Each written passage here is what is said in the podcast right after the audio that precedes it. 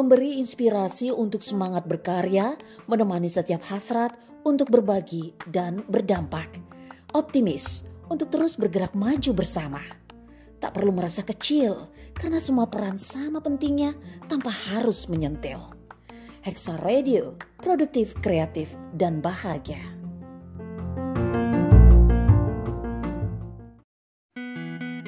Inspirasi bisa datang dari mana dan dari siapa saja. Setiap cerita dan kisah memberikan semangat, energi, dan motivasi dalam hidup kita.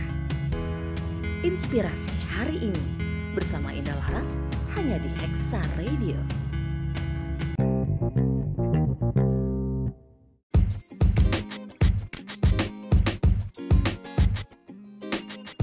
Hai sahabat Hexa, saya Indah Laras untuk inspirasi hari ini. Selamat Hari Ibu untuk kita para perempuan di Indonesia. Semoga saja kita senantiasa dimampukan dan dikuatkan untuk menjalani peran istimewa kita sebagai seorang ibu yang bahagia.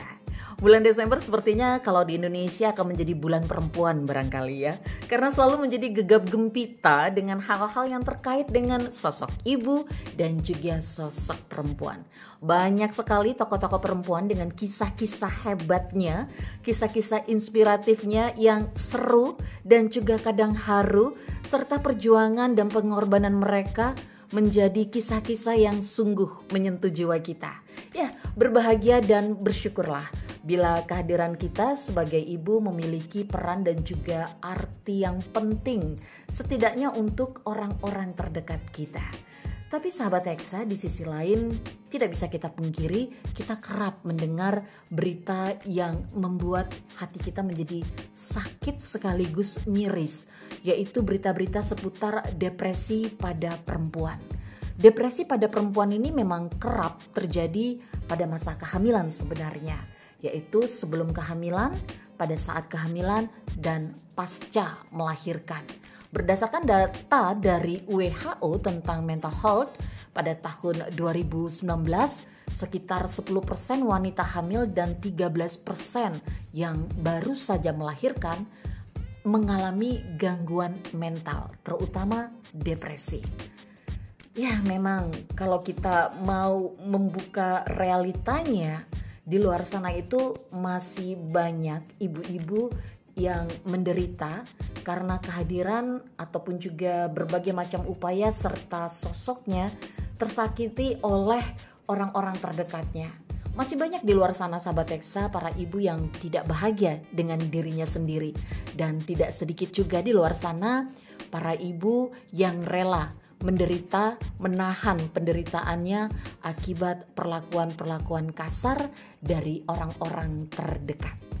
Berbicara tentang sosok seorang ibu yang depresi, tiba-tiba saja saya kepikiran dan langsung teringat sebuah film drama yang saya tonton sekitar kurang lebih dua tahun yang lalu.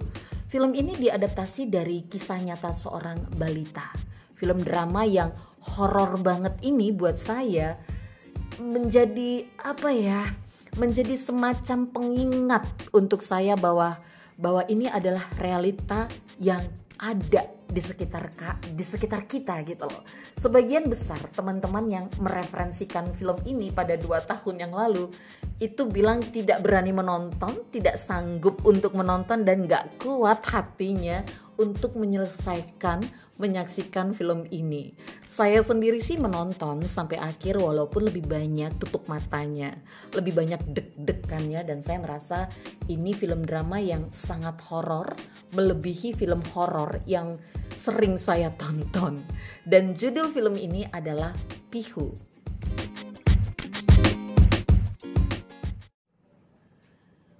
Adalah sebuah film thriller sosial dengan bintang utama seorang balita yang bernama Pihu berusia 2 tahun. Film ini rilis di Indonesia November 2018. Tapi pada waktu itu, dua tahun yang lalu, saya menonton film ini nggak di bioskop. Karena saya ngerasa di Semarang sepertinya film ini tidak diputar di bioskop. Tapi entahlah, mungkin saya yang terlewat ya. Saya menontonnya di sebuah aplikasi. Film ini sendiri disutradarai oleh Vinat Capri mengisahkan seorang balita yang bernama Pihu yang baru saja merayakan pesta ulang tahun keduanya. Sehari setelah pesta berlangsung, Pihu harus kehilangan sang ibu yang tewas bunuh diri dengan luka lebam dan sudah terbaring kaku di kasur. Pihu, bocah usia dua tahun ini tentu saja tidak menyadari apa yang sedang terjadi. Bocah ini terbangun dan hanya bisa memanggil ibunya berulang kali untuk mengajaknya bermain dan juga minta dibuatkan makanan. Namun tentu saja sosok ibu yang sudah mengakhiri hidupnya ini tidak bereaksi apa pun. Bocah ini mengira si ibu sedang tertidur pulas Sementara ayah Pihu bekerja keluar kota setelah pesta ultah selesai. Jadi ya, Pihu tinggal seorang diri di dalam rumah di mana dia terjebak dengan jasad ibunya di atas tempat tidur.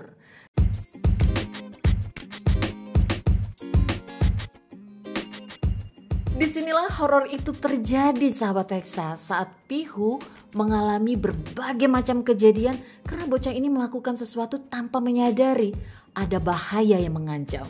Sahabat Teksa bisa bayangkan ya, anak atau bocah usia 2 tahun yang belum mengerti apa-apa melakukan semuanya sendiri dengan bahaya-bahaya yang itu jadi horor banget karena bahaya-bahaya itu adalah bahaya-bahaya yang ada di rumah kita.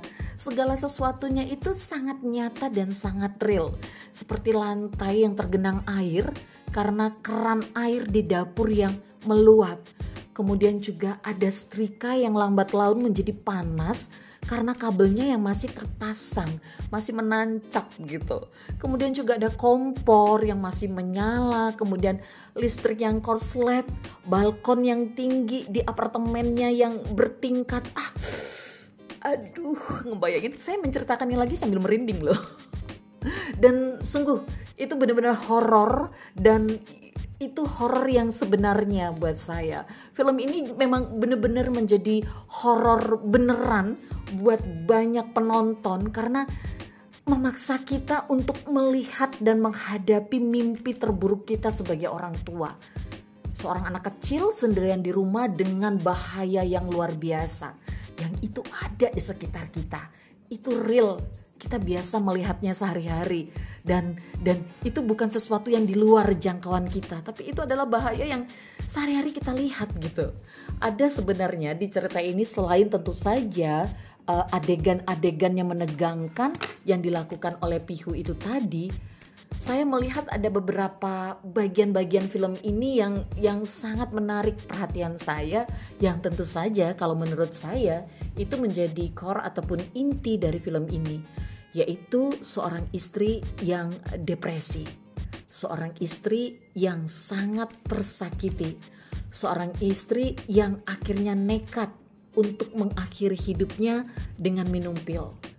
Kenapa ini bisa menjadi sangat jelas? Apalagi ada uh, ada salah satu bagian di film yang me, apa ya, yang menampilkan suara ayah Pihu, Gaurav yang menelpon dan marah-marah terhadap istrinya Puja, mengumpat bahwa istrinya lebih baik mati.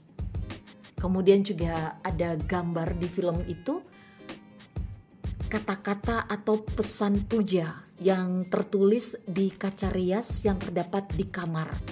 Di kamar di mana puja terbaring sudah meninggal dan Pihu masih ada di kamar itu ya.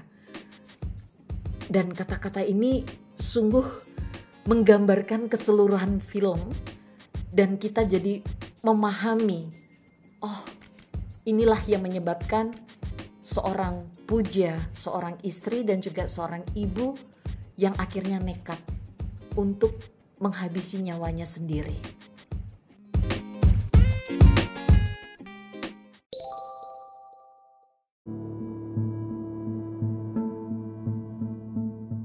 Gaurav Aku bertengkar dengan keluargaku demi menikahimu. Tapi apa yang kudapat darimu? Katamu kau akan pulang hanya saat ku mati. Aku pamit. Tadinya aku akan mengajak Pihu, tapi aku tak kuasa.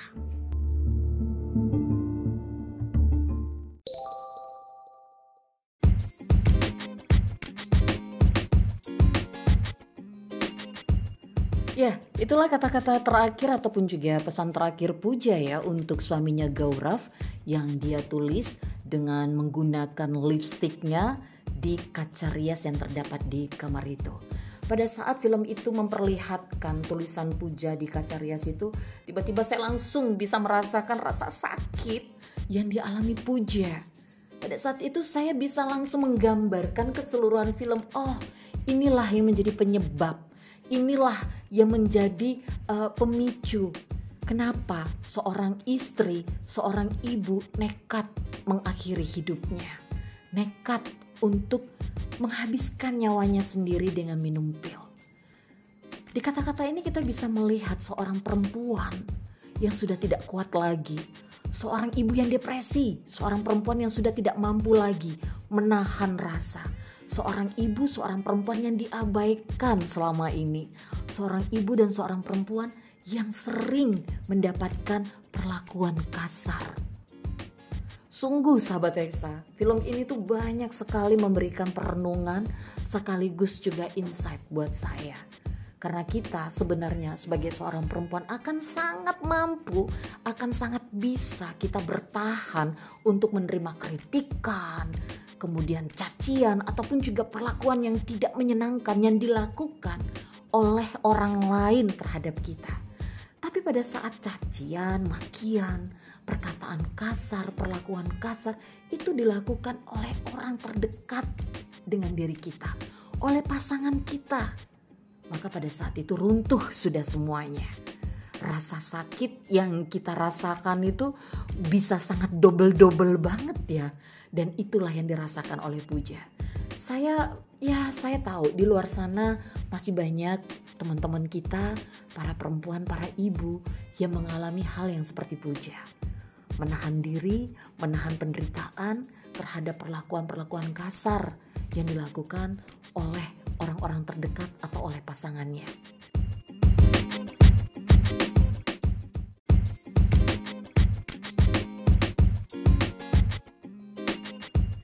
Sahabat Teksa, perempuan dengan perannya sebagai ibu itu memang bukan peran yang mudah.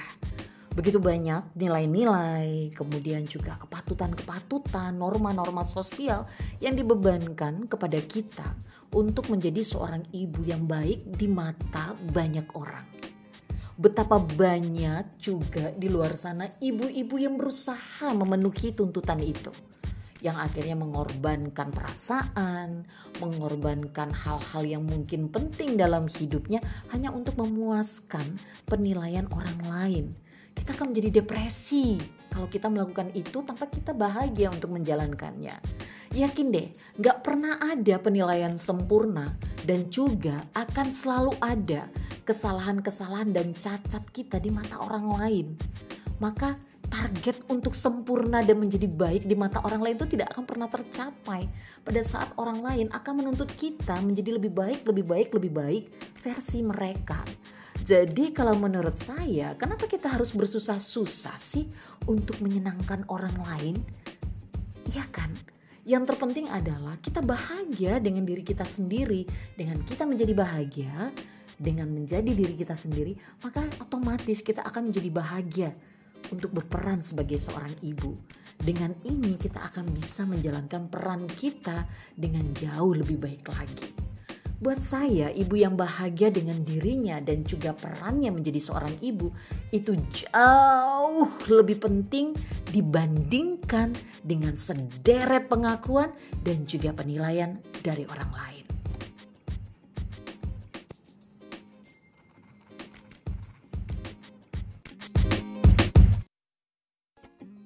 Saya Indah Laras dalam Inspirasi hari ini. Sampai bertemu di episode selanjutnya.